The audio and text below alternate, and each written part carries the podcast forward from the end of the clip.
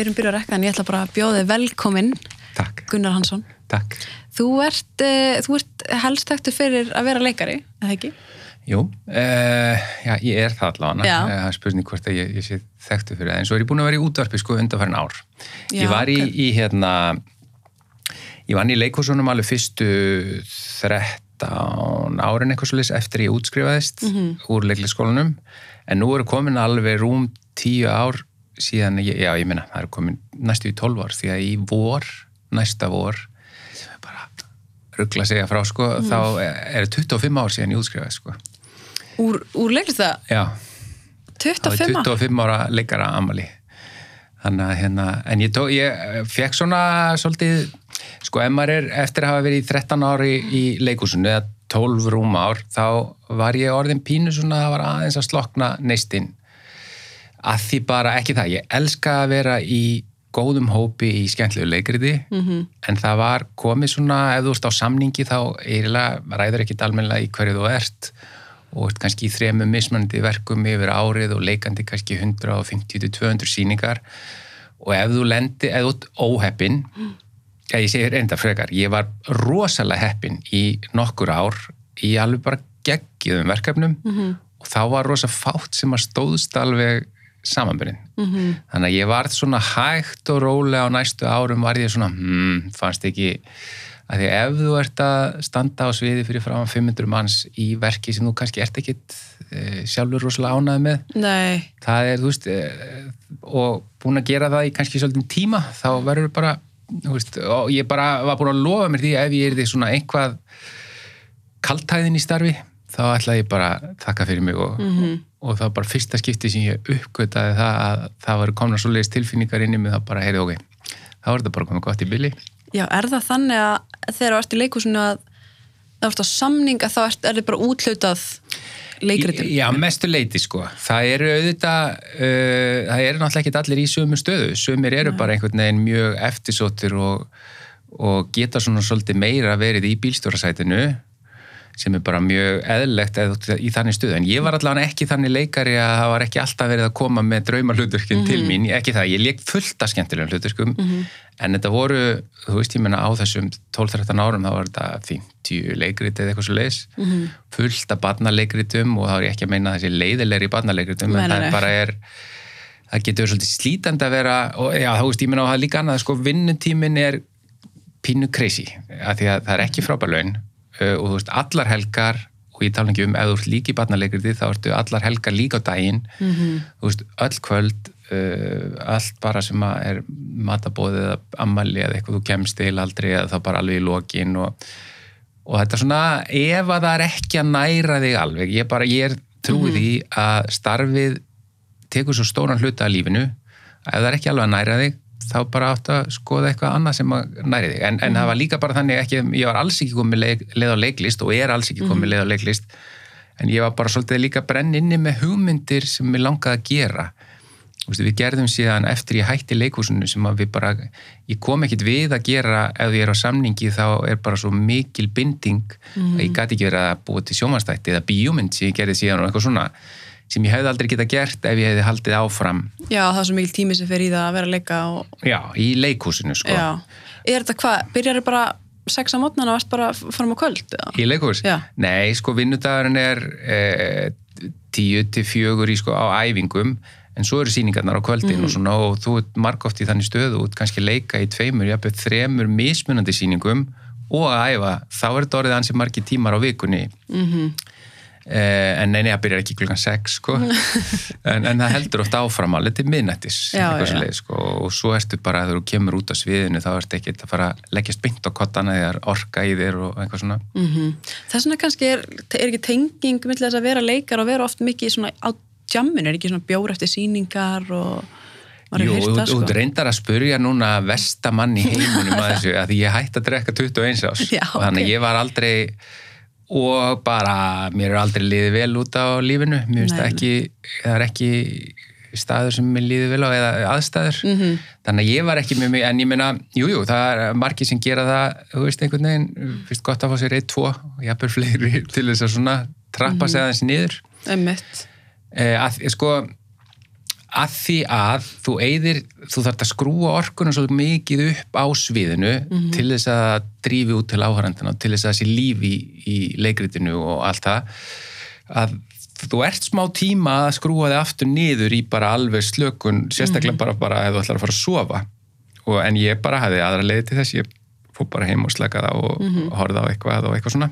Maður getur tengt þetta við sko að þú ferð á æfingu mjög mjög seint að þá þegar þú kemur heim að þá einhvern veginn ertu ennþá svona svolítið ennþá svona orka í þér sko. Tekur tíma fyrir manna að Já, því hjartaði bara komið upp í einhvern slátt og ég meina, ég var, þetta er svo að fyndi, ég var, ég veist, ég var all, alltaf verið svolítið lélegur í að vaka. Og bara þegar ég var lítill, þá man ég alveg eftir svona mómentum þar sem ég bara, ó, klukkan á svo margt, ég ætla að fara að sofa og þá svona hljópi inn í rúm, þú veist, flýtti mér og þá náttúrulega liggum maður inn í rúmi bara, þú veist, þannig að ég er ekki að sopna fyrir þó ég í rúm og ég er vel ennþá setna, sko. Um, er þetta ekki sama með, mér finnst ég ofta sko sopna sent að kvöldinni í sófa, að drífa minn í rúmi fyrir svo að byrja tennur og svona vakna smá Já. fyrir inn í rúm og er bara Þá, einmitt, þá maður komin yfir einhvað. þetta er óþólandi því ég sef ekki heldur rosa vel, ég þarf að passa svolítið upp á ég ymmit ég get verið rosa þreyttur á, á kvöldin en ef ég býð aðeins og lengi með að fara að sofa þá kemst ég yfir það, þá sopna ég aldrei sko, Einmitt. og ég vakna á hverja einustu nóttu bara mörgusunum Er sem að er óþólandi sko. Og ég veit ekki en þá almennilega hvað það er. Ég þarf alltaf að pissa á nóttinni yfirleitt tvísar Ég- og það er ekki ég veit að ég er orðin gamall. Það er ekki það, því þetta hefur verið svona frá því ég var ungur sko. Þú vaknar nóttinu bara við tilfinningur að þurfa að pissa? Já, ég, ég held að sé reynda það að ég vakna og sem er óþólandi ef ég hugsa hvort ég þurfa að pissa þá þarf ég að pissa Mhm. -hmm. og þá get ég ekki sofnað aftur fyrir en ég fer að pissa þannig að, þetta, hérna, það er alltaf ein til tvær ferðir á nóttu sem er óþólandi en, en svona bursi frá því að hérna, ert ekki, hvað heitir eftir karakterin sem þú ert svona, hvað heitir Fríman? Fríman? Já, Fríman. Já. Er þetta karakter sem þú bjóst þig sjálfur? Já, ég er að segja uh, ég og bróði minn Mhm. sem að hann hefur hann samtan í rauninni með mér og bjóða, eða, og í upphafi voru við fjóri sem gerðum þætti sem voru á skjá einum sem hétu Siktið mm Mhm. eh, hann Raggi bróður minn sem er sko leikstjóri og svo Frikki Frikk leikari og, Haldur Gilvarsson leikari. Við, við gerðum þessa þætti og við ákomum bara því að þessi skrítni karakter Fríman, hann var eitthvað hitt á einhvern svona þráð hjá okkur.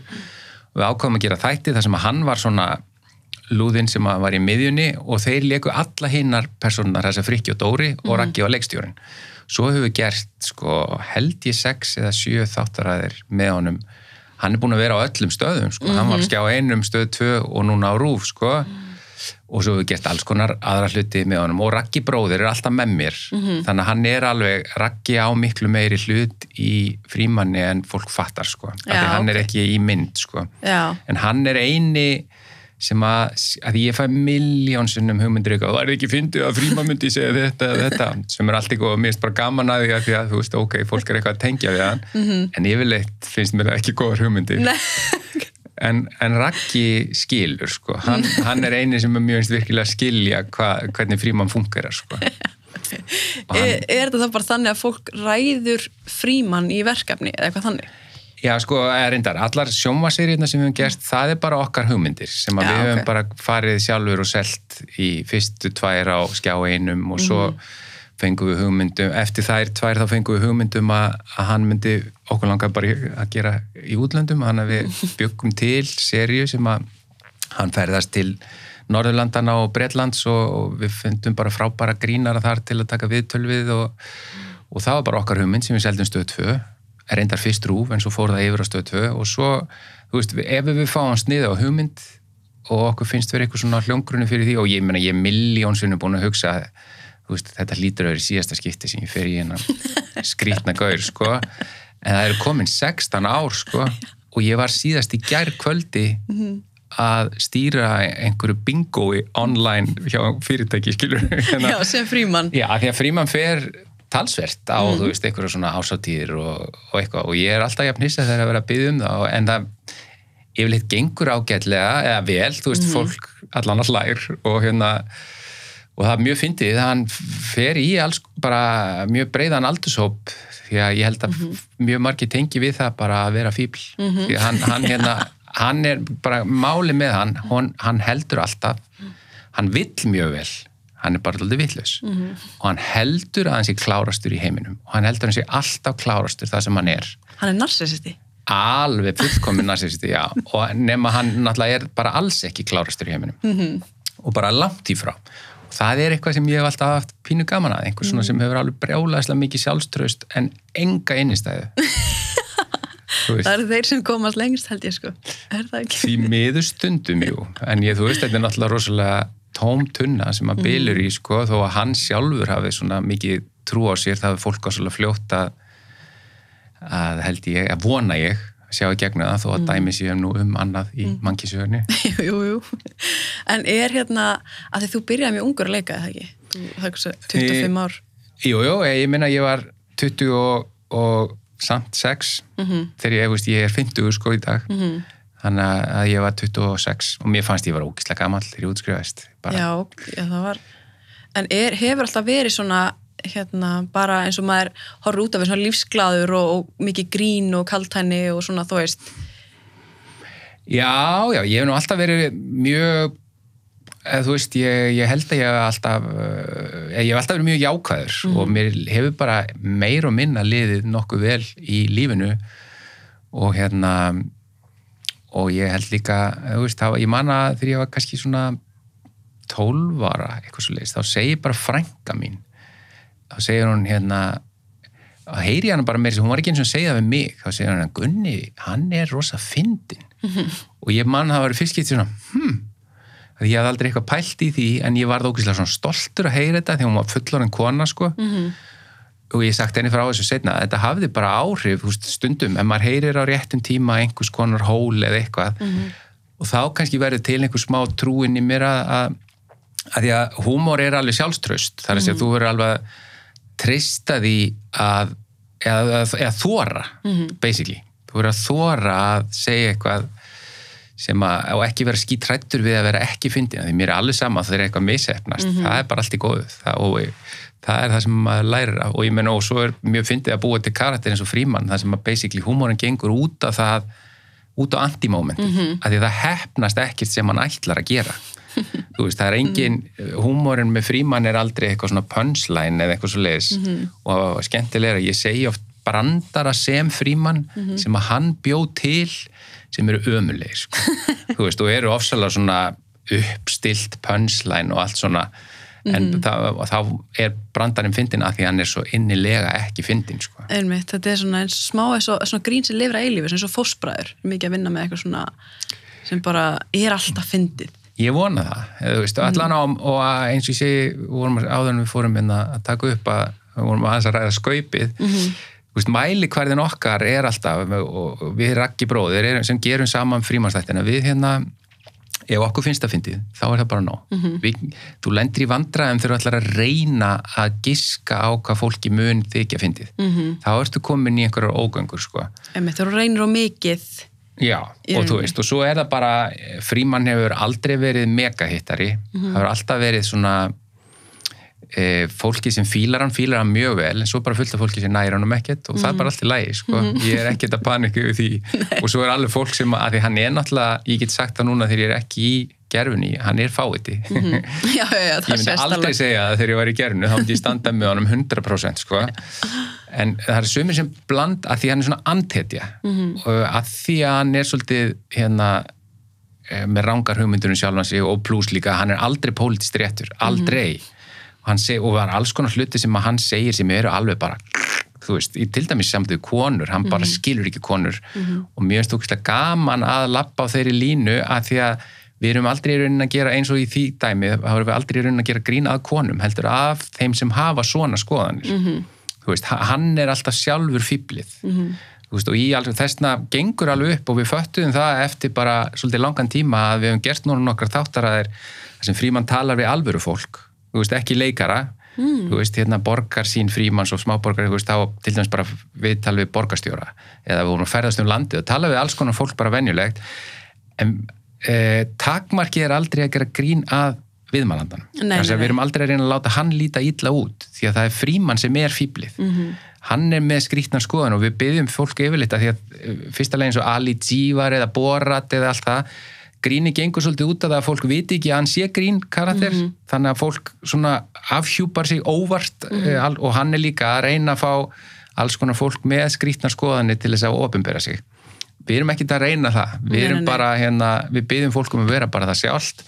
Eh, þetta er bara gaur sem er mjög skrítin sem er að taka viðtal við og það munu koma skrítna spurningar en Mhm. endilega bara svaraðu bara einlæglega.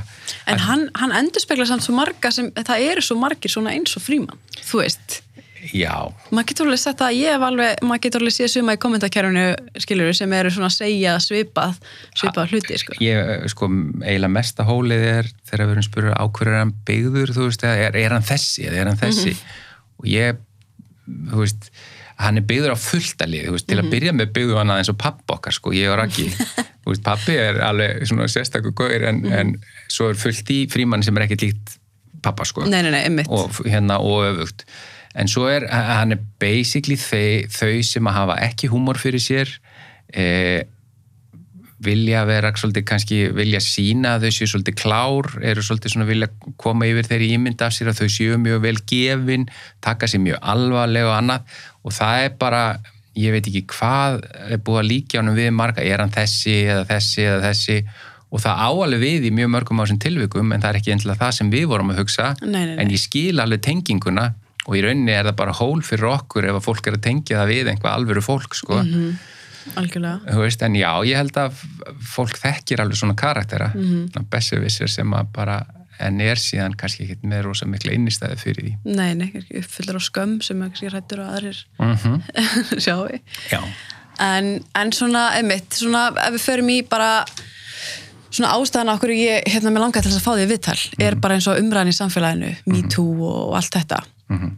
Og ég meina við getum alveg verið kannski sammálið það að þetta er kannski svona stærsta bylgjan hinga til, bara þessi Me Too bylgja þessi umræða, hún er bara að springa hún er bara, já, hún er einhvern veginn allstaðar já, hún er hérna þetta er líka bara, þetta er ógíslega stórt og mikilvægt mál og ég stundum fall, fallast mér hendur einhvern veginn bara, að við erum ekki að komast áfram á rétt, en, en svo þarf maður líka aðeins að slaka ákakvart í að þetta er veist, eins galið og er þá er þetta, erum við að opna fyrir þessu umræði í dag, þú veist, við hefðum átt að gera það fyrir miljón árum sko. Mhm. Að því þetta er svo stórt, þú veist, ég hérna og það er líka fáránlegt að segja það hvað það hefði komið manna óvart þegar fyrsta bylgjan kemur að það bara allt í einu basically ég held að ég geti nána sagt að allar konur sem ég þekki hafa lent í á einhvern hátt í uh, kynferðslegu ofbeldi, áreiti á, á, áreitni mm -hmm.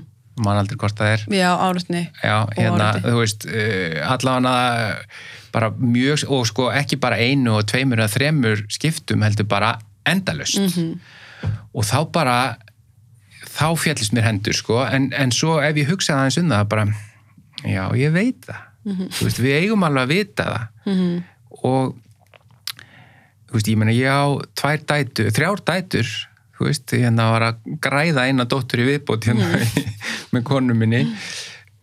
Þú veist og auðvitað, allt í kringum eru konur í minni fjölskyldu og allt og ég bara, þetta er heimurinn ykkar sem, ö, okkar auðvitað.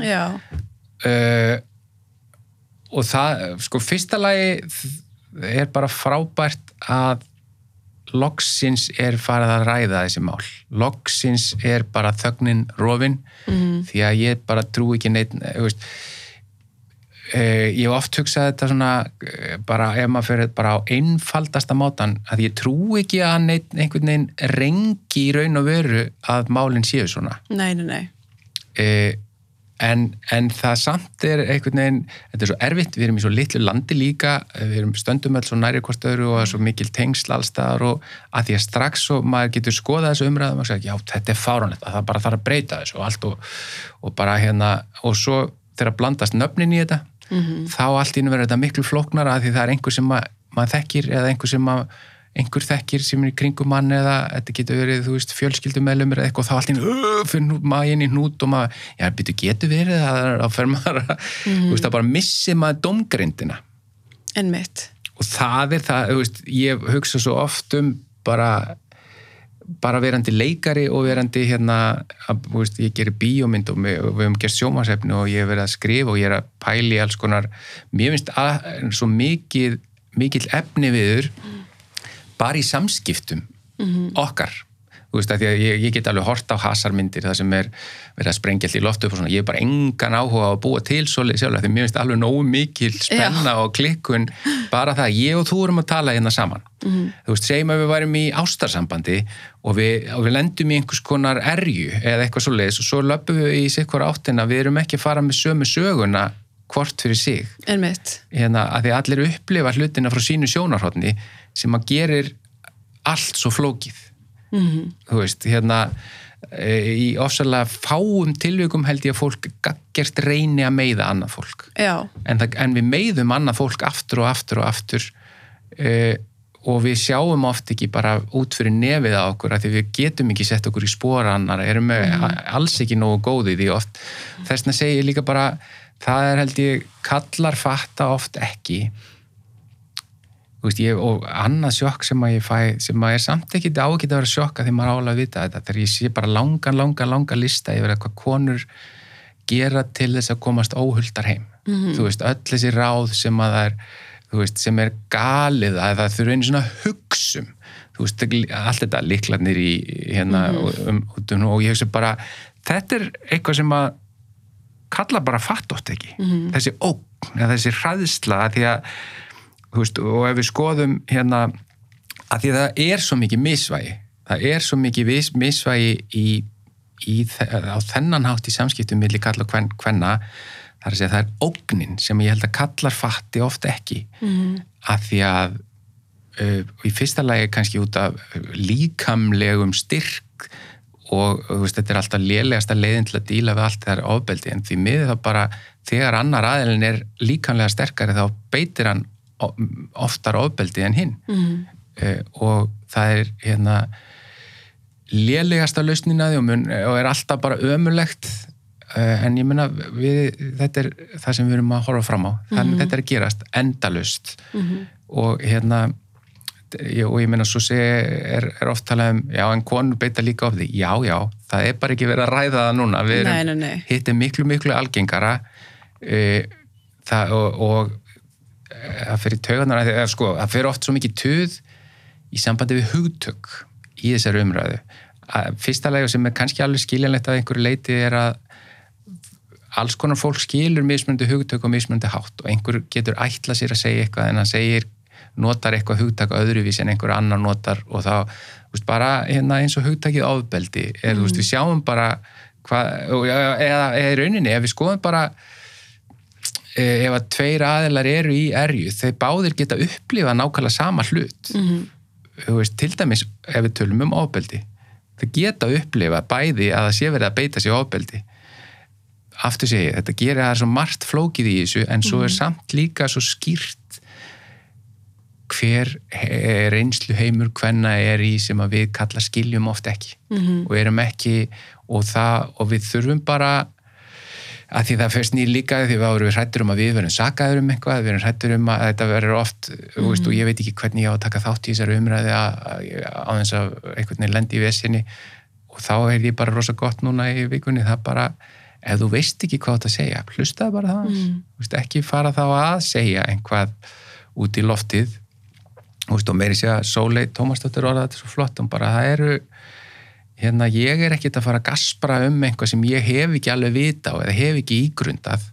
Og ef að fólk hefur ekki alveg ígrundað þetta og, og ef það hefur ekki insýn inn í þetta, því að kemur mér, meiri sér óvart oft hlutir, þú veist, þegar að koma upp þessi stóru, stóru mál í umræðinni eins og KSI og veist, Sölva hérna Þórir, allt þetta Ingo, öll þessi mál, þessi stóru sem hafa sprungið núna undanfarið þá er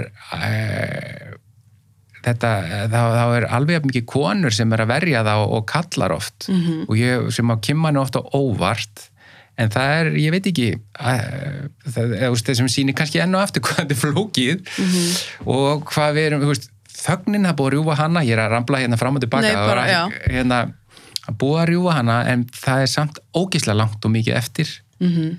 og við þurfum í grunninn er þetta auðvitað það að við getum einhvern veginn sett okkur í spór annara og skiljum ef að við getum skilið hvað konur hafa gengið í gegnum Mhm. og hvað hérna uh, hver þeirra heimur er og hver hvaða að því að ef að til dæmis bara s- einfalt dæmi þegar að vera að tala já en konur getur líka gert eitthvað já já eins og til dæmis ef að kona káfar á mér og ég var lendið ég lendið að eldri kona sem var mjög drukkin og ég var að fara að skemmta eitthvað og hún bara kom og fór beint í klofið á mér. Og það var vissulega óþægilegt og það var algjörlega eh, yfirstrík og allt svo leiðis en það fólst ekki í því sama ógn. Mhm. og ef við hefum snúið kynjónum við ef að kallmaður, eldri maður hefði lappa beint á ungur stúlk og gripi í klofið á henni það er önnur ógn sem felst í því mm -hmm. því ég náttúrulega fór í kleinu og fór í burt og þú veist en það voru ekkit liðna marga myndur á hann ég var farin að hlæja þess og segja vinnum ef þú skilur en ekki það, ég hefði alveg getað upplifað mikla skömm og eitthvað svoleiðis að því hérna En ógninni með sem þú talar um það, Já, það það er, stigsmunur þú veist, og einhver orða að, að hérna að það sem að e, kallar eru hrættir við í, í fari hvenna er að þær gerir lítið úr þeim eða hlæja að þeim eða eitthvað slíkt en konur eru hrættar um að kalla drepi þær eða beita þær ofbeldi. Þú veist, það er, auðvitað er ég að máli að því þú veist, já, já, konur geta beitt ofbeldi og það, við erum ekki að tala um það. Við erum að tala um þetta núna, það er bara þessi þessi stóri stigsmunur sem að ég held að kallar fatta oft ekki og meiri sér konur stundum sem að hafa ekki lent í því. Mm Algjörlega, ég held líka að fólk er hrætt við að stíðin umræðan út af því það er líka hrætt við að vera einhvern veginn einhverju liði. Eins og sérst sko að þú veist, eins og þú segir ef það, ef það, ef það er eitthvað nafn sem þú þekkir er frendin eða vinuðin eða eitthvað Já, að þið langar að segja eitthvað en þú vilt samt ekki segja eitthvað því að þú veist, þú vilt heldur ekki taka þátt í að hérna, vilt ekki vera leiðilegur eða vilt ekki vera að útskúfa einhvern einstakling sem þið þykir væntum já, og allt þetta. Og umræðan um svona hvað núna er vegna hvað er að gera þú veist, eigum við að taka þátt eig á fólk að vera útrópa á fólk einhvern veginn að eigum við að vera þe- á þessum stað sem við erum núna að við erum svo mikið að fókusa á gerendur við erum kannski þar það er verið að tala um gerendur já, já. Ég held sko, ég held að það sé svo sem þú veist, að kannski komin tími til þess Mhm. að, að það sé í rauninni að kastljósun sé beint þangað en það kannski er líka bara líka einföldun veist, á ég að vera hróp á ég að vera útróp og eitthvað á netinu ég veit ekki, ég veist, ef það er algjörlega illa í grundað, þú veist, sem við sjáum endalaust að fólk er að bara gala, þú veist munurinn á umræðin í dag og fyrir bara segjum 10 árum eða 15 árum í dag hefur fólk vettvang til þess að, að fólk hefur málpípu til að bara öskra út í samfélagið. Veist, að hafa allir sinn samfélagsmiðil sem þau, og, veist, hafa allir rödd sem er í rauninni að mjög mörguleiti frábærst sko. og í rauninni það er kannski bara ástæðan fyrir af hverju við erum líka komin á þann stað sem við erum komin á er að, að, hérna, að fólk sem að hafði ekki rödd hefur þú veist, til dæmis þólendur að þeir, það, það er núna vettongur sem að hægt er að, að tjá sig á -hmm. og e, það er svo mikið talað um þetta slaufunar menninga, hérna cancel culture og allt það og það hefur trublað mig svo mikið að því að ég í rauninni ég er ekki alveg einu sem sammála hvort það sé hreinlega til Eða, ég- ok, ef það er til, þá hefur það líka alltaf verið til. Það hefur bara verið notað öðruvísi. Nú er bara fólk sem er ekki vandi að fá á sig eh, sterkar skoðanir og annað og, og ég meina pluss líka svo er bara eitt bara hverjum er slaufað og hverjum ekki sumum finnst þeir vera að slaufa en þeir kannski eru það ekki, þeir hafa bara fengið gaggrinni mm.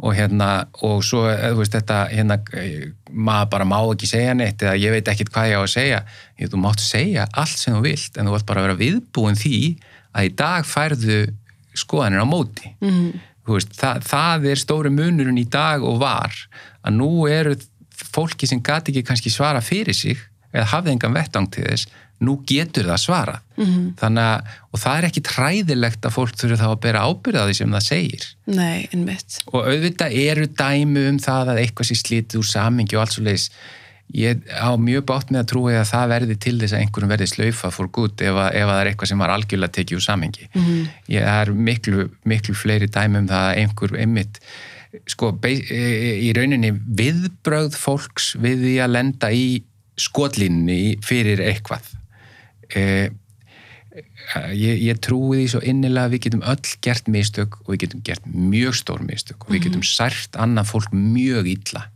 e, þú veist, þess vegna ofbeldi eða eitthvað skilur ég dæmi fólk síðan að því hvernig það Bregst við. bregst við því, tekst á við það e, hérna, eða ber ábyrð á því mm. yfirleitt það sem að öll þessi stóru mál sem hafa komið upp undanfarið þau hafa eiga það öll sammerkt að það hafa viðbröðin hjá viðkomandi hafa bara ekki verið góð. Hafa bara þau hafa úst, e, þau hafa ætlað að byggast afsökunar en gera það einhvern veginn mjög klaufalega. Þannig að í rauninni verður það bara ennþá verra. Eða þá að þau skell í lás og harneita öllu og er ekki veist, og ég menna ég ætla ekki að segja hvernig þau upplifið það og ég ætla Nei, ekki að nei. en, en allan að þetta er ekki réttalegin að, að hérna ég, ég bara leiði mér að fullir það í öllum þessum málum gerðu viðbrögð þeirra málin ennþá verri Mhm. þú veist, þá bara og þá er alveg spurning hverjum á að kennum að ef að einhvers konar slaufun á sér stað Mhm. þú veist hérna að því að ég held að fólk sé tilbúið að fyrirgefa fólki sem að hérna hefur gert mistök og vill horfast í augu við og taka ábyrð á þeim Mhm. ég, held að það sé um stóra ákallið ég held sem miklu hérna, ég held sem miklu uh, hvað sem er mikilvægara en einhvers konar fangilsistómar og allt það Mhm. eða þú veist, hva, eða þá hérna senda fólk bara eh, vissulega í eitthvað cancel, bara loka Mhm. því inni eh, hérna, ef að, ef að fólk sér að það er horfist í augu við hvað gerðist Mhm. og ég meina að, og svo það sem til þeim sem gerir þetta líka miklu flóknar er að því að við erum með allt spektrumi, það er, það er annars vegar ofbeldi, hreint og klárt ofbeldi sem að er bara Ásetningurinn er bara það mikill. Já, með þessi ásetningur og allt. Svo er með þessi til alveg hreint og klárt ofbeldi það sem er ekki einu sinni ásetningur. En svo er til líka, þú veist, þessi dæmi að fólk getur hérna, jú, sem er alveg hægt að merkja samt sem sko, hérna, er, er alveg ofbeldi en meiri sér sá sem að e, fremur það, eða gerandin í því hann veit ekki að því, hann hafi gert Já. það. Þetta, allt þetta, allir þessir öll þessi blæbriða munur á þessu. Og svo eru aðri hlutir, þú veist, að segja eitthvað sem að særir eða sem er eitthvað hérna, þú veist, sem eru þá þetta er svo stór og mikill skali. Og í, í dag erum við pínu með allt undir sama þú veist, sem að er ekki alveg sangjant en, en þetta til dæmis bara ef að mann er bent á að maður hafi virkilega farið yfir stríka hvert annari mannesku veist, það er örgulega mjög eðlislegt og mjög eðlilegt sérstaklega meðan andurslottið er svona ofbóðslega brotætt og heitt og allt svo leys að, að fara í rökkvi lás og, og afneita því eða eitthvað veist, að, að horfast ekki í augu við það. Mhm. þú veist, hérna en svo er svo fallegt fyrir alla ef að viðkomandi manneskja horfist í augu við það. Og að því að þú veist þannig ef maður í fullkomnum heimi þá bara myndi það einhvern veginn vera þannig er þið málin leist og allir kæmu út einhvern veginn. Já. mér fannst mjög áhugavert að því nú er búin að vera tveir kveikstættir þú veist og setjum þig kveikstáttunum sem var með já þú varst náttúrulega í honum aðeins. Mér finnst mjög áhugavert að skoða þessar leiðir með þú veist um, hvernig er hægt að finna út úr þessu, hvernig er hægt að fara í einhverja leið þú talar þar um að, að í rauninni gera, nei þólandin í rauninni þyrfti algjörlega að gefa grænt ljósi það ekki? Já, þú ætlar að koma fram ofinberlega og segja að, að því að það, er, það hefur alveg átt, eh, verið dæmi um það að, að gerandi sé ekki búin að sko, tala við þólenda en hann komi fram ofinberlega og svona ætla bara áfrið sér allir, allir að Já. segja bara hérna, ég hef, ég hef farið að mörka ég braut á einhverjum og hérna ég bara fyrirgefið, þið verðið að fyrirgefa mér Já, þið verðið að fyrir Já, svolítið þannig, sko. Já, einmitt, og, og finnst það bara málinu lokið? Já, og hérna, og þú veist að það er einhvern veginn ekki þjóðin þarf ekkert að fyrirgefa þér, heldur þú þarf, það sem þú átt að gera er að fá fyrirgefningu eða þú veist, þólandin Já, á að fyrirgefa já, eða ef hann vill fyrirgefa, en þólandi ræður alveg hvort hann vilja fyrirgefa eða ekki, Já, það er já. einhvern veginn, þú veist. Þannig að það það er er þetta þetta, með nei, þetta er eins og bara verið í gamla daga á skólalóðinu þegar það var bara segið fyrirgeðu við hvern annan? Það er náttúrulega alveg ömuleg leið að Mhm. Leiða saman þú veist og ég tala nú ekki um ég að ef er átt sérst að kynfyrirsofbildi eða eitthvað svo leiðis það er, þannig að já, það verður alltaf að vera á, á hérna, forsendum þólandans Mhm, algjörlega. að, og svo til að gera þetta ennþá flóknara sem að, að þetta er ógislega flókið allt. Mhm. þú veist að, að það var langur listi sem einhver setti niður á Twitter sem að fólk var að bæta á veist e, kæru þólendur hvað myndu þið vilja að gerandin ykkar myndi gera til þess að gera málinn betri eða þú veist. Og þá var það bara miljón mismunandi leiðir. Þú veist e, eitt, einn vildi alls ekki nokkuð tíman vita af gerandanum nokkuð tíman aftur bara og aldrei sjá hann og meðan annar vildi að það myndi hafa beint samband við sig að, þú veist, og var bara, þú hafa voru bara þúsund leiðir. Þannig að þetta er ógeðslega flókið að því bara hvert og eitt dæmi er og, og það bara má alveg vera þannig að því að þólendur er ekkit allir eins og er bara, og eins og við erum að reyka okkur náttúrulega á alls konar hluti í dag. Við sjáum hvað dómskerfið er eftir að það er verið ennþá dæma út frá því að eitthvað sé trúverðugt eða, einhver, eða viðbröð séu trúverðug eða eitthvað, hvað ruggl er það? Eins og allir sem að lenda í til dæmis í nauðgun bregðist eins við eða eitthvað, þú veist, það bara, og meiri sér jú, það er meiri sér hægt að að rannsaka það að það er miljón leiðir í því og þú veist en samt er ennþá verið að dæma út frá einhverjum gamaldags skilningi Já, því, sko. ennþá þegar þú færir skýslutöku í dag, ég meina það er ennþá verið að spurja, skilur, hvað dregstu marga bjóra eða hvað var pilsið stutt. Já, já. Þannig að við erum alveg ennþá þar einhvern veginn. En máli líka með, hennan kveiks, eða með sko umræðana hvernig hún er núna og kveiks þáttinn og svona hvað með að gerendur gera, ég held að það sé svo margir þólendir sem eru líka reyðir við það að um, út, sko, sko þeir hafa, er einhvern veginn þólendur hafa verið útskúfaðir svo lengi, þeir hafa kannski sagt frá já. Og verið útskúfar frá vinum og fjölskyldu og jafnvel þú veist flosnaða búið vinnu eða skóla og Já. upplifa þessa útskúfun í svo mörg ár. Og svo loksins þegar, þegar þú erum segja frá að þá ætlum að fara strax í umræðina hérna og við verðum að búa til handrætt fyrir gerendur. Hvað geta gerendur gert, er útskú, við getum ekki útskúfað hann mann. Já. þannig að það er reyðin líka bara en, en þetta er ekki útskúfun einhvern veginn. Nei, ég minna, það má alveg snúa því alveg akkurat öfugt, að það var bara útskúin akkurat á hinvegin í bara alltaf. Og, og það, sko, að þetta er líka ég hugsaði sko að því þú ringdir í mig eða sendið mér skilabóð og spurði hvort ég væri til að koma og, og tala líka um mínar eigin reynslu. Mm. og ég fekk alveg hnút í maðan að hérna að því ég kom fram uh, ég man ekki nákvæmlega hvort það 2009 eða 2010 og talaði um mína reynslu sem ég lendi í sem badd sko, eða sem úlingur uh, og þá sko hérna að því að ég kom þá fram í kastljósi og sagði frá því hver ég lendi en ég, og það bara kom uh, óvænt upp í hendurnar á mér, ég var beðin um að leika uh, dæmi sem átt að átti að hafa átt að vera umfjöllun í kastljósi um uh, menn sem höfðu þá verið að eða hvort það var bara einn maður eða, eða nokkri menn sem hefðu verið að fara á skólalaður og reyna að fá börn með sér upp í bíla og, og það var einhver dæmi um slíkt. Og ég var, þau í kastljósinu spurðu hvort ég var til í að koma og vera að leik, leika svona mann. Það er blörrað á mér andlitið og röddinn og ég myndi reyna að fá barn upp í bíl.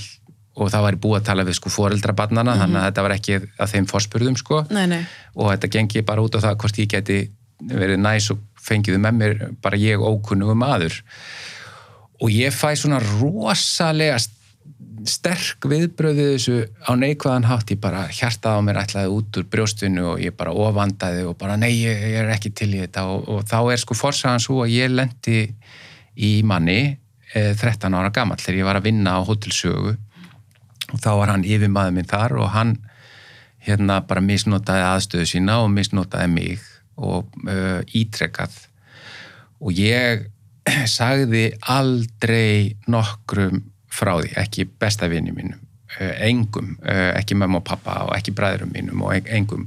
Ekki fyrir en að ég er bara 30 og eitthvað að vera að leika í borgarleikusinu í, í leikriti sem að var fjallaði aðeins um svona mál.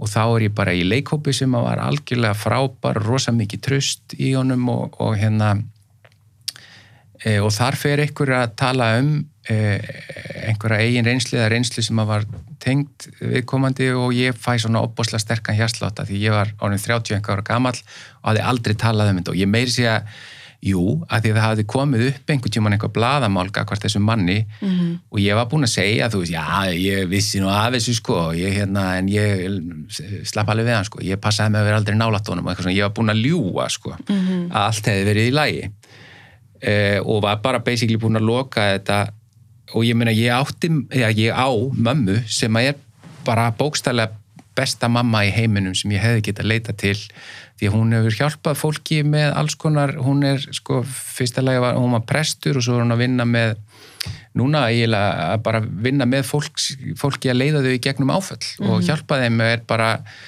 hérna bara bókstaflega einn besta manneski sem ég hefði mhm. getað leita til en, en það sýnir samt veist, eh, hvað þetta er skrítið hvað maður situr upp um mikla skömm og sjálfsásökun og allt að ég samt fór aldrei til hennar og talaði við hennar ekki fyrir hennar að þetta bara kemur hann fram á þessari æfingu í borgarleiku svona áður en ég veit að veri búin að segja frá þessu mm -hmm. og fyrir bara hákar á þetta og eitthvað og... en það sem var svo magnað og, hérna, og ég veit ekki að segja hennar fréttir við alla sem hafa lendið í þessu og hafa hérna, síðan rætt um það en það bara hvaða léttir mikið ámanni mm -hmm. bara það að segja frá því og í framhaldi segi ég fjölskyldunum minni, konunum minni og börnunum mínum og, og mamma og pappa og, og bræðurum mínum og, og svona þeim sem stóðu mér næst mm. og alltaf létti mér meira og meira bara, ah, og ég líka bara þegar maður orðaði þetta í fyrsta skipti þá bara fatt að já, akkur var ég að skammast mín mm -hmm. þú veist, akkur var ég að sitja uppi með þú veist, að því ég, mér fannst ég að vera svo stóri á 13 ára var samt ekki nema 13 ára mm -hmm.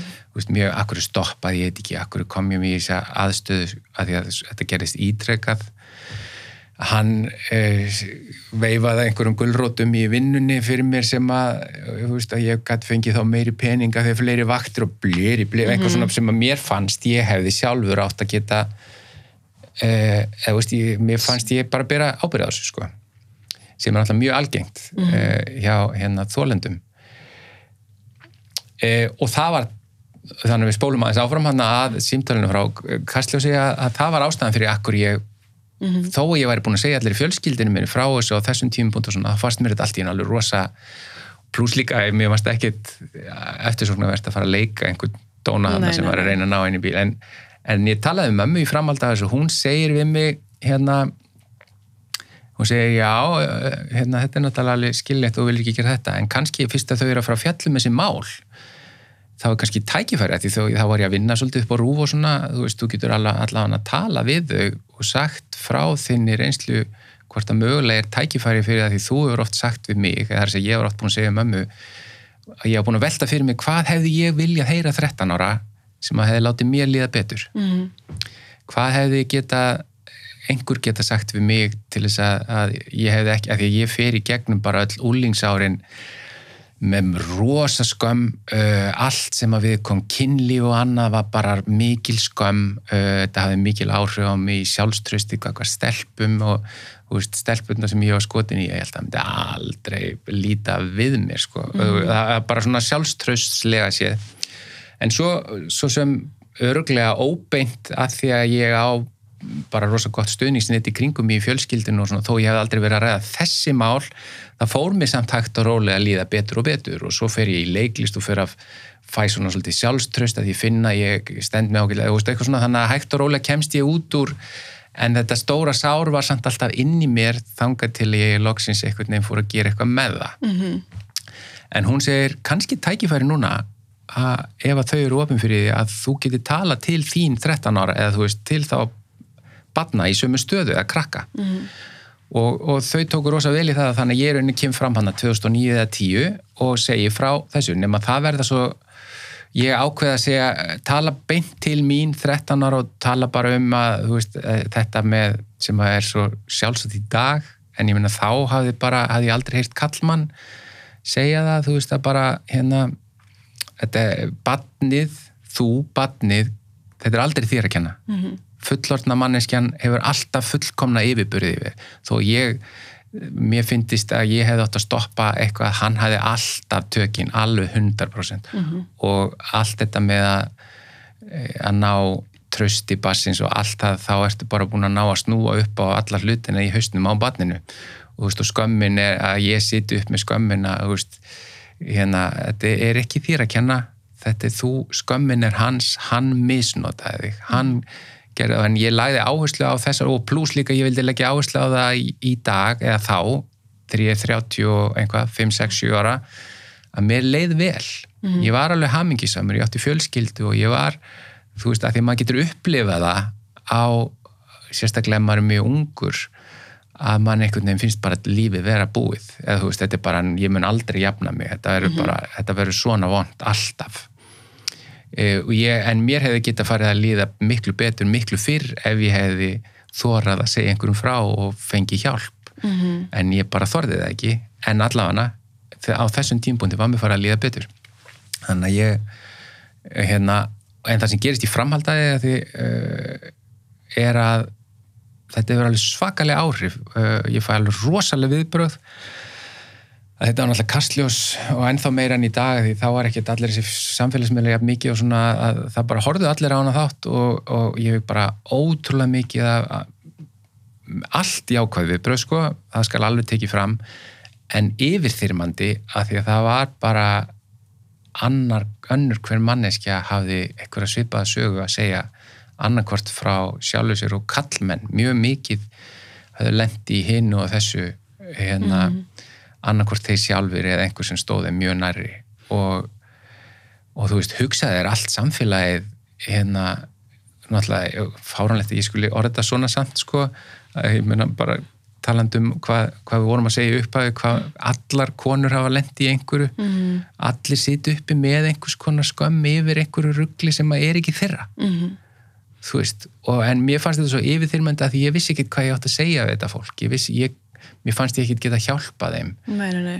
hérna ég vissi ekki hver, hvert ég átt að beina þeim eða neitt og ég þannig að ég svona eiginlega drómi bara smá inn í einhver svona skil eftir þetta og ég þarfti, þurfti bara að, að vera bara heima í smá tíma einhvern veginn, mér finnst bara óð, ég fór í sund og það bara kom einhver maður ókunnur í klefanum og fór að segja mér einhver hræðilega þú veist, frábært að hann skildi gera það en ro- ég hef, þetta fór alveg rugglaði mig alveg, þú veist, ég bara en svo fór ég aftur inn í svo fekk hérna, fengu þeir Helgi Seljan og Jóhannes þegar þeir voru að gera afhjúpun á, á hann hérna Karlvigni Já, Jóhannes Kár, já. já, Jóhannes Gáar, já, í Kastljósinu mm -hmm. að það var sem sagt ég talaði ekkert um það í fyrsta viðtalinu hver var í gerandin Nei, nei, nei. ég vildi ekki leggja áherslu á það að ég var að tala til barnana ég vildi ná til þeirra að, að reyna að segja einhvað sem að, að ég var að, eins og ég sagði, sagði á hann hérna, hvað hefði ég viljað heyra Mm Þetta hefði ekki verið þér að kenna og, og já, svona, já. og líka þetta er ekki þetta er ekki heimsendir mm -hmm. að þú getur haldið af, þú getur fengið hjálp uh, og hérna já, en ég fer aftur inn í og segja aftur svona að sum litli leiti frá þessu í, þegar Karlvignir er afhjúpaður og þá var það svolítið annað, þá þá var komin önnur viðbröð það er talandi um bara hvað tíminn líður hratt og hvað, hvað tímanni breytast. Og kannski ekkert skrítið að koma önnur viðbröð því að þarna þarna kemur fram bara einstaklingur sem að braut á, þú veist, ég veit ekki einu sinni hver fjöldin er, þetta er svo ótrúlega langur tími, þetta eru yfir hálf öld. Og hann bara, og en e, jú, talandi aftur um hvað tíman er að breyst að það bara virtust eiginlega allir hafa vitað að þessu þú veist, það var alltaf verið að ef hann var gómaður einhver staðar, þá var hann bara settur í vinnu annar staðar, en alltaf einhver staðar í kringum börn.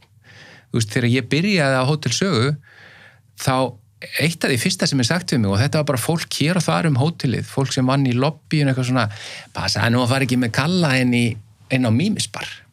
Og ég vissi ekkert hvað þau voru að tala um. Mm veist, þá vissu allir að því að hann væri eitthvað að gera með unga drengi en þetta var sagt alltaf svona í hálkæringi og svolítið svona gríni og ég hafði ekki hugmynd um hvað þau voru að meina fyrir en að hann fór með mig inn á mímisbar Mm þú veist, og þá, já, ok, byrju, þetta voru það að tala um. Og ég oft hugsað það eftir á að því svo er hann bara hreinlega gómaður e, með dreng inn á bara klósetti einhver tíman, einhverju ári síðar eða tveimur árun síðar -hmm. En ég held að hann hafa aldrei fengið neina, eða veist, ég, ég, hann allavega hann satt ekkit inni og hann var ekki einu svona handtekinn fyrir en eftir að kastljósþátturinn var síndur þráttur að löggan hefði fengið aðgang að eiginlega öllum gögnunum sem að komu fram þar. Mhm. Þannig að þetta er svona, en ég, það sem að, grunnurinn að sem ég ætla að segja er talandi um viðbröð og hvað, við, hvað þetta er oft erfitt þegar þetta er líka manneski sem eru tengdor okkur eða frægar manneskjur annað, ég hef oft hugsað þarna stýði ég fram og segi frá einhverju sem að er sko gerandi minni Karli Vignir sem er alveg svona stereotypiskur mm -hmm. lóner perri hann, hann er eins og badnaperrarnir eru í rauninni í sko bíómyndum mm -hmm. sem hefur alltaf farið í taugarnar á mér hérna hvernig þeir eru gerðir oft í bíómyndum því að þeir eru svona Veist, þetta væri nú bara alltaf innfallt starf fyrir lögguna og alla ef að þeir væru svona vondir eins og þeir eru í mhm. bíómyndum Svona skrimslavæðingin Já, í rauninni, að því að hérna, að því að sko sérstaklega barnanýðingar, en ekki bara sérstaklega bara þú veist, hérna, kynferðis ofbeldis, menn þeir þurfa að vera ógislega klárir í mannlegum samskiptum að því mm. þeir þurfa að ná hérna trösti e, þólandan, sko þeir, hérna, þeir þurfa að vera Þeir þurfa aðdándahóp, þeir veit alveg Já Menn, þannig komast þeir í þessa stöðu að, þeir eru, að því að þeir eru ekki svona perralegir ógeð, þú veist, þú sérði þetta ekkit á, á manneskunni og því miður nema síður sér sko. Mm -hmm. Þetta er einhvers konar svona narsísk persónuleika röskun Já, já en... þeir sem eru þannig sko mm -hmm. hérna það er, segja, það, er svo, það er svo miklu miklu færri sem eru eins og Karl Vignin sem er bara, þú veist stereotypíski perrin sem allir trúa er upp á að hafa gert eitthvað Já, og til dæmis eitt, ég get aldrei glemt lyktinni á hann mm -hmm. sem var bara hérna sem er bara akkurat eins lykt og fólk getur ímynda sér að væri af svona hérna einhverju stereotypískum perra mm -hmm. ógiskalli en ég hef oft hugsað hvað ef ég hefði stíið þarna fram eh, og sagt frá þessu og þetta hefði verið landsþektur maður sem er þektur fyrir eitthvað gott eða, eða, eða vinsæll já, mm. ég menna, þú veist eh, stjórnmálumæður eða, eða frægur íþróttamæður eða hvað ef hann hefði verið í fjölskyldunum minni einhver mm. bara hérna elskaður og dáður í fjölskyldunum minni og allt svo leiðis Tala ekki með það er foreldri eða annað Já, og er, þarna komum við að því sem að er akkurat líka því við erum búin að tala svolítið um hvað þetta eru flókinmál mm -hmm. þú veist, það, þarna hefði allt í unni að því að ég, í rauninni viðbröðin sem ég fæ við að stíga fram í bæðiskiptin voru bara eh, í einu orði sagt jákvæð all, öll viðbröðin og allir bara eitthvað, þú veist, gott hjá þér og hetja og eitthvað svona, en það hefði ekki verið þannig að þetta hefði snúið þannig að þetta hefði verið eitthvað rosalega vinsall mm. eh, einstaklingur sem hefði ekki verið þessi típiski perrakall mm. eins og kemur í ljós núna í öllum þessum málum að hérna ég, nei, þessi, ég myndi aldrei trúa þessu upp á hann og þá er þið Ég meina, Aldí Skrami líka alveg gott dæmi um eitthvað svona, hérna, hún fekk nú ekki alveg jákvæðstu viðbröðin og, og, og fær ekki enn þú veist, það er bara já, bara ótal svona dæmi mm -hmm. þú veist, ég menna það er bara og talandum útskúunar eða hvað heitir það, slaufunar kultúr eða kansel hversu margar konur eða bara þólendur hafa verið hérna hafa bókstallega þurft að flytja úr landi mm -hmm. þú veist, að því bara þeim er ekki stætta lengur að vera að því að viðbröðin við það við það eina að þau stíga fram og segja í hverju þau lendu mm -hmm. það er eina sem þau eru í rauninni segum mm -hmm. þú veist, og er einhver annar brotaflokkur eða ofbeldismálaflokkur, eða skilur þar sem að þú getur lendið þessar stöðu að manneskjan sem að brotið er á hún segir frá því að það hafi verið brotið á henni og þar með er hún bara þar hún helst að fara að fara að því hún er að gera allt svo óþægilegt fyrir alla mm -hmm. og, og þú veist hérna, eða að ljúa, eða hún er geðvik eða hún er, þú veist, það er náttúrulega allar þessar þú veist, hérna en aftur komum við að þetta er þetta eru svo erfið mála því þetta eru og, og því miður, þú veist, mm þetta er mhm. alltaf hérna, orðamondi orði og bladi, bladi, bladi þannig að þetta eru bara Já, þetta er náttúrulega, en svo erum við lík, svo erum við náttúrulega að tala um þetta einhvern veginn virðist ekki skipta máli þótt að sé einhver ein eða einn sem kemur fram þetta er líka sama sagan þó að það séu 30 konur sem ég segja sama. Ég veit það, að hversu, ég menna þó það séu fjórar eða fimm mm -hmm. hvaða fjórar eða fimm konur bara rotta sér saman og hei, við skulum koma og ljúum upp á hann mm -hmm. eða eitthvað, hérna, eða þá, eða þá ennþá meiri tilviljun að það er ákveðið ekki saman heldur og í sikuru hotninu allar að ákveða ljú upp á hann það, ég meina allan að dæmin hafa aldeilis ekki sínt það.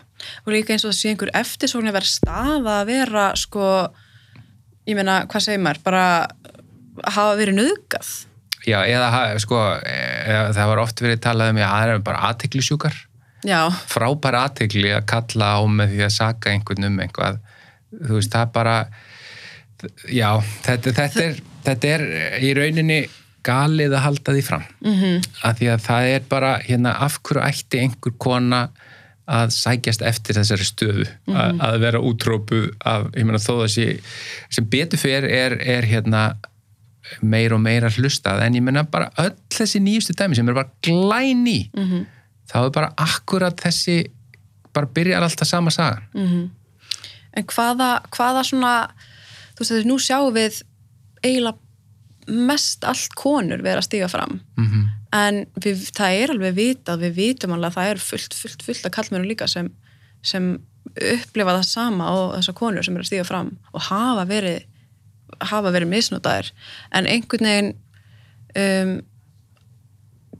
fylg, svona, lítur það út fyrir eða maður hefur tilfinningu fyrir sé kannski svona ennþá meiri svona, þeir upplega kannski meiri skömm ennþá, þú veist, og svona Já, erfið að stíga Ég- fram eða ég sko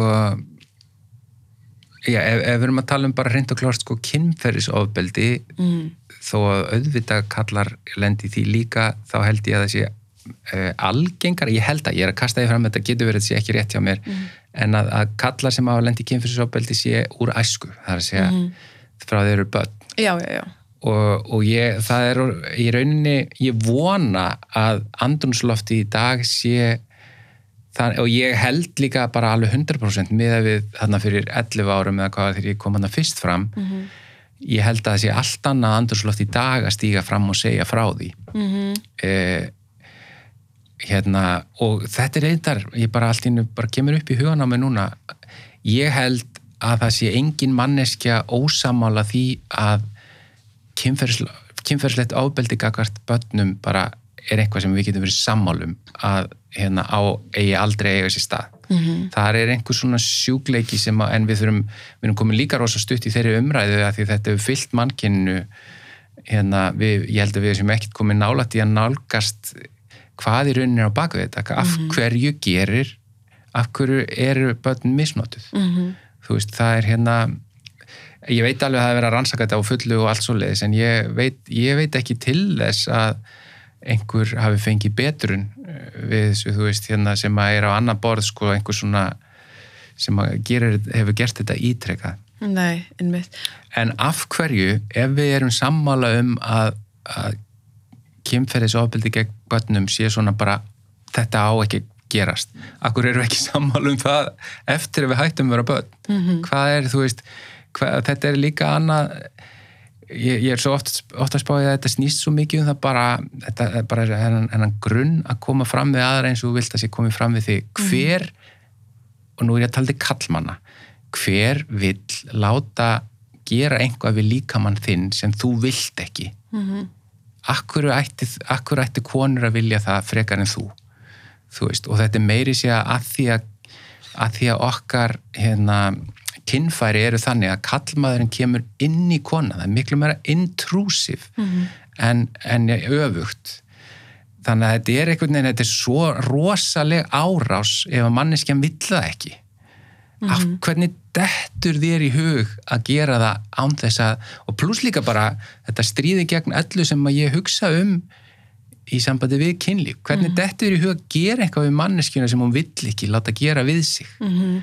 hérna, Erum við þá ekki bara komin út í líka bara eins og þú sagðir áðan þegar umræðan er farin þar að, að hérna, það eru margir sem gera sér ekki grein fyrir þeirra brotið á einhverjum Já, já. vegna þess að við erum svo ótrúlega ung þegar við byrjum í þessum hlutverkarleik stelpur og strákar og, og strákurinn á einhvern veginn að vera þessi sem þú veist er maðurinn eða strá, þú, þú átt að vera með ótrúlega margar konur og, og hérna vera já, og þetta aumingja tal sem er varta þú veist, þú veist, svolítið mikil aumingja og gast ekki sofið hjá þessari stelpu og já, ég sko uh, maður alveg heyrt þessar rattir og allt svo lýsa því að það er verið að tala um að þetta sé gamli tímin og að ég minna hafa því að hún bara kasta fram henni í öðrum kveikstættinum að það var nú sá tími að það var einhver digð að leggja undir sér sem flesta konur.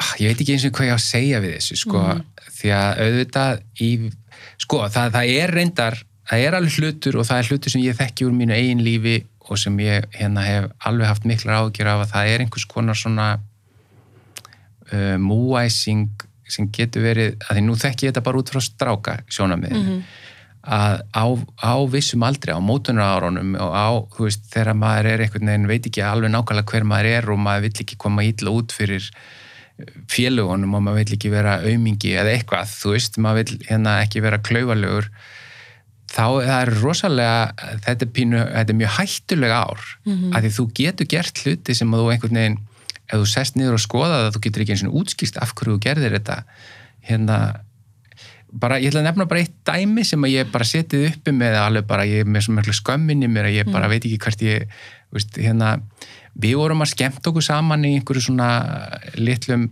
balsal hérna í einu á nágranna fjöluður Reykjavíkur og einhver af vinum mínum fær þá hugmynd, ég man ekki kannski fekk ég með þessi hugmyndina, mm -hmm. ég man það samt ekki að hérna, við opnum eitt klósitið á kallaklóstunu að því að það var slökkutækið hana og spröytum bara inn á þann sem er hann inni og okkur fannst það ógeðslega fyndið og, og, það, og ég tek slökkutækið, vinnum minn opnar klósettið með svona pening til þess að mm -hmm. og ég bara spröyta úr slökkutækinu á bara einhvern auðmíkjastrák sem var satt á klóstinu veist, og hann átti einski sín svon hérna og ég man alltaf svipin á honum að því að honum brás og þetta Já, var svo þetta. ömulegt og auðmíkjandi og allt og ég alveg og, og við fórum einhvern veginn eins og lúðar hlaupandi í burtu og mm. eitthvað og svo kom strákurinn til mín eftir þetta og hérna bara, akkur gerður þetta?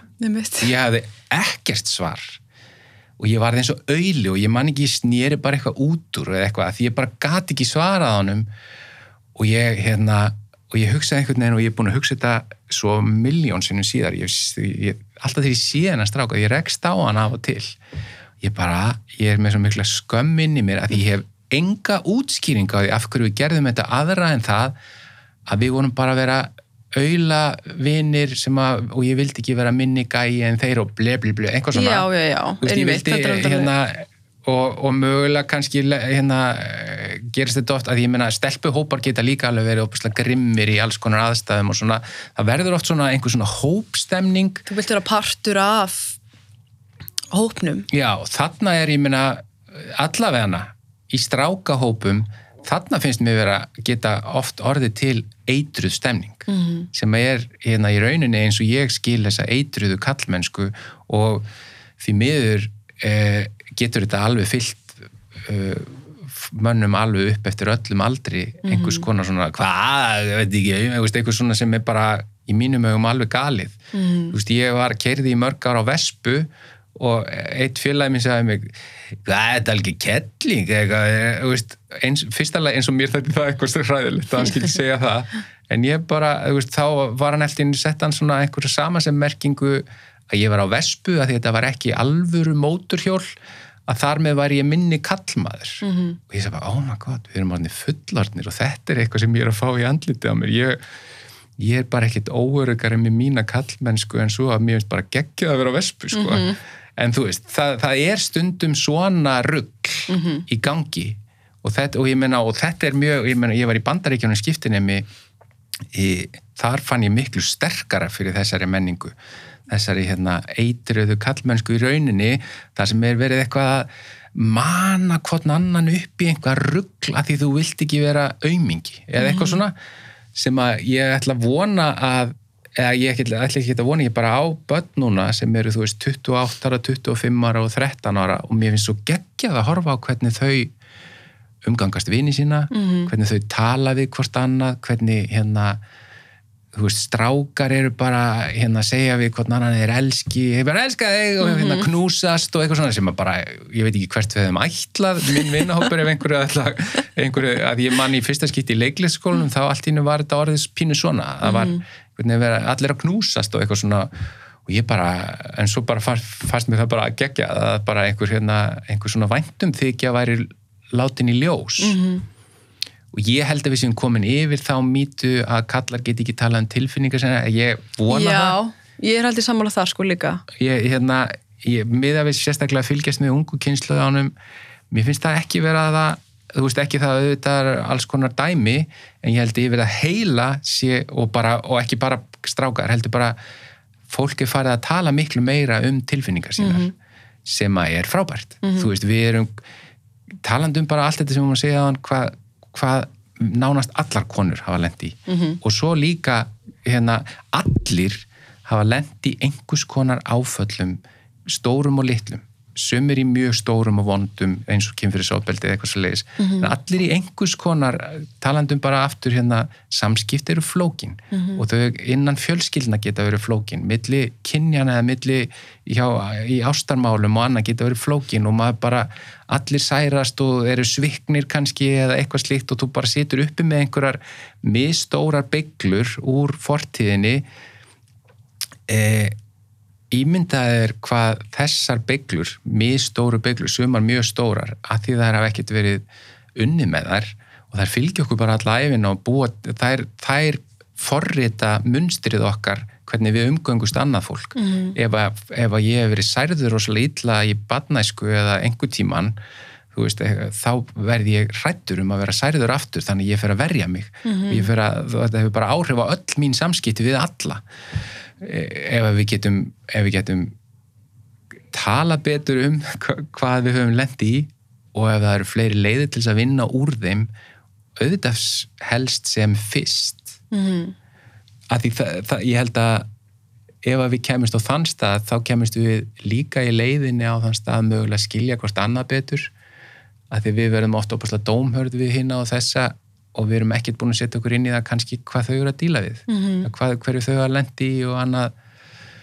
Hérna eða veist ég þetta er ógeðslega flókið en ég held að, við, ég held að börnin okkar verið betri en við í að díla við þetta. Já, mér erst ég strax farin að sjá það líka bara unga kynnstofum hvað hún er bara einhvern veginn grjóthörð og ætlar ekki einhvern veginn að láta eldri kynnslóðan að komast upp með ofbeldi einhvern veginn að þurfum við sjá um svona meðvirkni í kommentarkerfum og annað fólk sem er að stíga fram og Já að það er ofta unga, unga kynnslóðan sem sittur bara fótið niður meðvirkni er nefnilega önnur afleiðing af því að díla ekki við áföll mm -hmm. af því að þá verður til hérna uh, það verða til beiglaðar manneskjur við, við að lendi skjælulegum áföllum eða áföllum bara yfir höfu og, er, og ná ekki að vinna úr þeim mm -hmm. og þá eiga þau samskipti við aðra manneskjur sem að, sem að og það kalla mjög oft á meðvirkni mm -hmm. hérna að því að og meðvirkni er rosalega mikið nota hugtak en ég heyrði svo frábæra útskýring á því hvað meðvirkni er sem allt í nú, að því ég, meni, ég er mjög meðvirkur einstaklingur mm. og ég þekki meðvirkni mjög vel í kringum mig mm. en svo bara var útskýrt fyrir mér að í vissum aðstæðum, það er að segja í, í e, þetta, þetta eru þetta eru eðlileg viðbrögð mm -hmm. við óeðlilegum aðstæðum veist, hvað sem það er. Mm veist, eins og til dæmis, að þetta verður oft svo mikið er þetta sett í samband við til dæmis alkoholism og annað, en notum það bara sem dæmi en það getur verið miklu fleira. Ef það er alkoholismi á heimili það er ekki eðlileg, eðlilegar aðstæður sem bara þarf að lifa í, í mjög alkoholiseruðu umhverfi þá lærir það alls konar leiðir til þess að bara lifa af og verði ekki sært við öllu sem er að gerast. Þannig að það býr til sína, sín viðbröð við þessum óeðlilegu aðstæðum. Mm -hmm nema svo heldur það áfram út í lífið og kemst kannski inn í samband þar sem eru eðlilegar aðstæður en það er ennþá í gamla, gamla e, forritinu sem það lærði í óeðlilega aðstæðunum. Þannig að það eru eðl, eðlileg viðbröð við óeðlilegum aðstæðum sem breytist í óeðlileg við, viðbröð við eðlilegar aðstæður mm. þetta er nefnilega svolítið hérna við erum og þetta er mjög mikið ofnotað kannski hérna hugtak en þetta bara er svo út um allt mm -hmm. og hérna veist og, og svona hugtök eins og til dæmis eh, sem ég held að börnin okkar eru bara að skilja betur og munu eiga meiri séns á að laga eins og til dæmis þá kem ég aftur að því ég talaði um það eins í upphafi með að oft verður umræðan snýstunum hugtök og fólk mhm. sé ósammála um hugtök sem er það pyrra mér svo ofta að fara svona mikið energi í það en það er bara kannski eðlert að því fólk notar hugtæk eins og til dæmis feðraveldi mm -hmm. Vist, hversu mikil orka hefur farið í það það er ekki neitt feðraveldi til og, og, hérna, og þetta líka hvað er það, kerfisbundi eh, misnót, eða mis, hvað er þetta hérna kynjamismunun, eða þú veist kerfisbundi kynjamismunun -hmm. þetta er, það fer svo mikið orka í það að reyna einhvern veginn að annarkvort að rekja þessi hugtöku eða ekki -hmm. það er oft, ég hef oft hýrt að sko að fólk missi bara svolítið umræðuna og nenni ekki að taka þátt í henni þegar, þegar það heyrir fólk vera að tala mikið um þessu hugtök þegar það verið að tala ofnbarlega og það hefur notað eitru kallmennska og hérna já, gaslýsing já, er, og, já, og, og þá bara nennir fólk ekki að hlusta af það er ekki þetta er svo stórt hugtak yfir svo ótrúlega margt. Já, en við verðum til dæmis bara kerfisbundi hérna kynja mismunun margir miskiljaða eins og það sé einhvers konar að einhver hafi skrifað niður einhver kerfi um að þetta mm -hmm. er, það er ekki verið að mynda það heldur það bara þetta er svo ótrúlega innbyggt inn í allt sem að mhm. hefur, ég menna í gegnum aldirnar að við hugsaum ekki eins og lengur um það þess vegna erum við hluti af þessu kerfispunna mm -hmm. en ekki það að einhver hafi bara að kallmenn sér alltaf að tala saman um hérna, þetta er kerfi sem við þurfum að berja sér, alls ekki þannig sko. og feðraveldið, það er ekki, ég menna kallar hafa stjórnað öllu í -hmm. gegnum allar aldirnar hérna að halda því fram að, að feðraveldi sé ekki til er bara ótrúlega mm -hmm.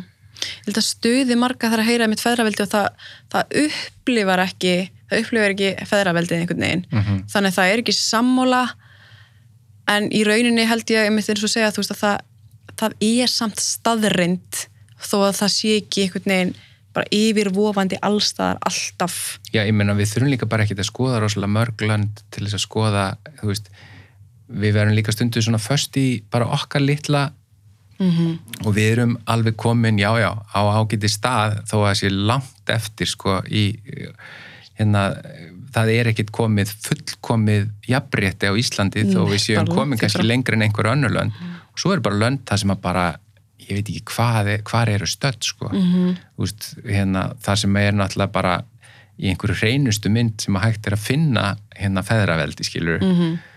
þannig, að, þannig að þetta er þó að við séum einhvað mjög en það sem er mjög slik áhuga pæling þetta með að því að nú er búið að opna umræðina mm -hmm. eh, þögnin hefur rofin með kynferðslegt ofbeldi sem er rosalega gott af því þú veist eins og ykkur orða að það er ógeðslega erfitt að vera perri í dag af því að þú veist að því það er hérna, ef að maður ger, ef að maður var í þessum málum til að byrja með mm. þá var það langa auðveldast að meðan enginn talaði um það, mm -hmm. en þá bara gastu haldið áfram í stöði, sko en í dag áttu þá að hættu að það veri bara sagt frá mm -hmm. sem er það erfiðasta sem þú getur fengið og gerst eitthvað svo leiðis en það, hérna hann er ekkert hvert ég ætlaði með það mm. Það sé erfitt að vera perri í dag Já, að því sko, já, nei, nákvæmlega. Og svo sko, svo vitum við í rauninni ekki nákvæmlega, það er, það, það er svo gott að, að þögnin hafi verið rofin og allt það, en við kunnum ekki alveg síðan að taka næstu skref. Mm -hmm. þetta er pínu eins og þegar maður er úlingur og maður fattar alltaf, já hei, byttu, mamma og pappi er ekki fullor nei, við erum fullkomin. Mm -hmm. þú veist að því að mann finnst það sem bann svo fattar maður að það er ekki fullkomin og þá fer maður í smá tíma í svona, meiri sé að manni finnst þau ekki bara ekki fullkomin heldur manni finnst þau ömuleg mm -hmm. þú veist, hérna, veit ekki neitt. Nei, þau eru bara alveg eins og betur fyrir nærma síðan aftur að fatta hvað þau eru líka indisleg sko. Mm -hmm. veist, þannig að við, ég held að að, að, að sko að við, þessi flókna flókna, þessi flóknu skref sem eru framöndan ég svo, það eru, ég hef átt að hugsa er eitthvað land sem að er að tækla þetta alveg rétt getið dettu þér í hug eitthvað land sem er bara alveg með þetta? Nei, ég held að það viti, það mun aldrei við munum aldrei við komast á einhvern stað þar sem við erum bara búin eða við séum bara, já, nú erum við að gera þetta rétt Nei. eða nú erum við að réttri leið og nú erum við að hér það muni held ég aldrei verða þannig. En ég held bara eins og þú segir á þann, það er svo mikilvægt. Við erum einhvern veginn bara mannuskir í einhvern samfélag, við erum öll að lifa saman og gera einhvern veginn allt rétt svo allt fungeri að persónlega finnst mér bara at this point, bara svona á þessum tíma að, við, að karlmenn skuldi bara svolítið konum að hlusta. Og, og, og þá einhvern veginn þó að þú hafið aldrei gert neitt eða neitt, þú veist en, en þú potið þekkir einhverja konu sem hefur lendt í kynferðsofbildi eða einhvers konar ofbildi eða er dílað um einhver áföll að þú bara mér finnst það bara. Já, bara hlusta, ég meina það er og líka bara aftur kem ég að þessu sem að Sólei hérna Tómas Dóttir sagði að hérna ef þið, ef þið vitið ekki hvað þið er að segja Mhm. ef þið bara vitið ekki ekki segja þá bara eitthvað heldur einmitt, finnið þið fræ, fræðið ykkur, hérna, Mhm. finnið þið fræðsluefni. Það er hægt að finna talsvert af því. Og hlustið á það sem fólk hefur veist, það er svo mikið það er ótrúlega mikið efni í dag og við erum ekki ennþá búin að vinna við erum ekki ennþá búin að finna leiðina Nei, nei, nei. en, en stór, stór hluti vinst með því ef að fólk fræðir sig og, og hérna og setur sér bara í spór annara og, og, og getur það er í rauninni bara það einfalt sko Mhm. en, en mér varst, ég var að hugsa líka að það sem að var í kveikstættinum það, hún hérna, lauruglufræðingur sem var að tala um sátta leið og eitthvað svona ég, ég, veist, ég, mér varst bara áhugavert að hugsa eitthvað, er ekki Já, Margrét Valdimars. hann- já, er þetta búa til einhvað svona hérna eitthvað ferli sem að yrði, það sem að gera nei, hérna, þólandin yrði alltaf, það er alltaf á for, forsendum þólandans en eitthvað, þú veist ég veit það ekki. Ég bara, mér varst rosa áhugavert að pæli því að ég veit alveg að sátta meðferðir og annað hafa verið gerðar á, ekki á réttan hátt, þú veist, þegar það verið að etja fólki saman að það verði bara að hittast og tala um málin og eitthvað og það getur verið alls konar rosalega erfið ofbeldismál og annað að þá vilt ekki setjast inn í eitthvað herbyggi með þínum geranda og eitthvað slíkt, það ég er ekki að meina þannig en, Nei, nei, nei. en hvort það sé, sé einhvers konar batteri sem að að ég bara ef að þetta er ekki stórt vandamál í samfélaginu og ekki bara á Íslandi heldur út um allan heim þá, hvað þá?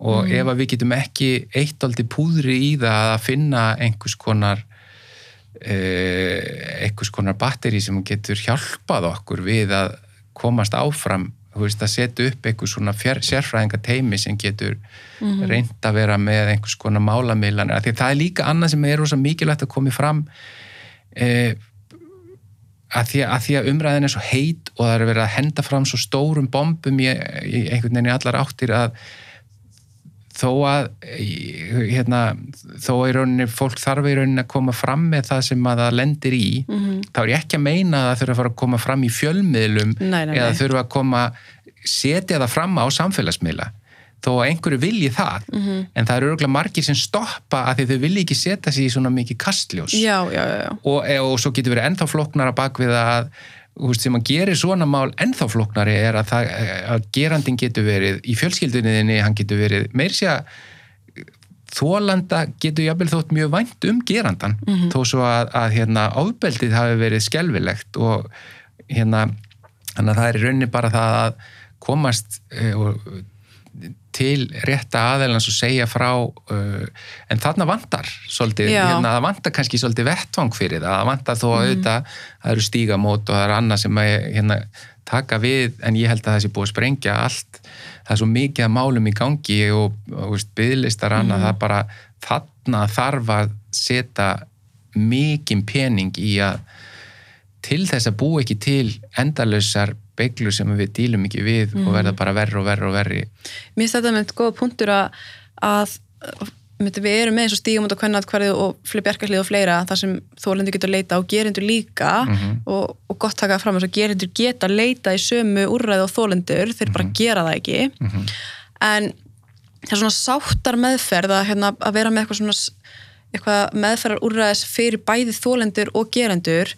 Ég held persónlega um að ég hlusta á þetta að það er ekkert oft sem að þólandi vill endilega ná einhverjum sáttu með geranda át og því mm -hmm. fyrstulega skulda þólandi gerandi ekki neitt nei, nei, að, einmitt, ég, er, ég er ekki að meina það heldur nei, nei, nei. Sko. en það sem fólk, einmitt, hún var að tala um að, að oft getur að vera gott eins og við sjáum alveg Þórdís Elva, hún túraði með sínum geranda sem þau náðu sáttum og já, já, það virkar fyrir suma og það virkar örgla já, já.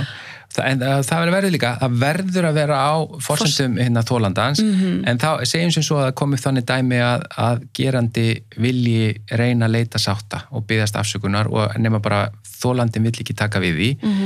En þá þarf samt að vera einhvers konar allavega hann geti þá uh, fengið einhverja uh, að því að þú veist eins og við tölum um að þólandin þarf ekkit að fyrirgefa. Nei, nei, nei, hérna, e, þetta getur verið það sárt og mikið og, allt, og, og þólandin getur alveg fundið frið og sátt með sér þáttur hafi ekki fyrirgefið í rauninni og, og hann skuldar gerandanum ekkit fyrirgefningu. Mhm. þú veist, fyrirgefðu við, hversu oft hérna, ég, að mjög fyndi, við eigum þetta hérna þú veist, að, að, þetta orð er oft notað á svo rangan hátt. Mhm. það er oft notað svo, á, það svo mikið krafa í því. Fyrirgefðu. Mhm, ég er búin að segja fyrir gjöðu Já, ég búin að segja fyrir, eins og það seg, þýði eitthvað. Mhm. og, veist, og þú heyrir það svo innilega í tónunum á því hvernig það er sagt að það er ekki einleglega sagt. Ég held líka því að eins og við töluðum um á hana að það er svo svo auglust á hvaða forsendum og hvort þú hafi raunverulega samkend með þólendiðinum þegar þú ferð ofinberlega fram og segir fyrir gefðu að því að það sem held ég þólendir vilja sjá er þessi úrræð, sé fleiri úrræð og gerendur setji inn vinnuna um þessa betrun eða hvað sem það að þýðir að þeir séu einhvern veginn að vinna í vandamálinu og þar ábyrðin sé svolítið þar að hérna, ég, ég tek ábyrð á eiga vandamálinu ég þarf ekki, að koma fram í sviðsljósið og segja öllum að því hvað er þetta að leitast Já, já. eftir Já, já, svona þú veist, þólandin nei, gerandin, hann þarf að skilja hvað hann gerði og hann þarf að taka ábyrða því. Mm það er, það er stóra málið held ég. -hmm.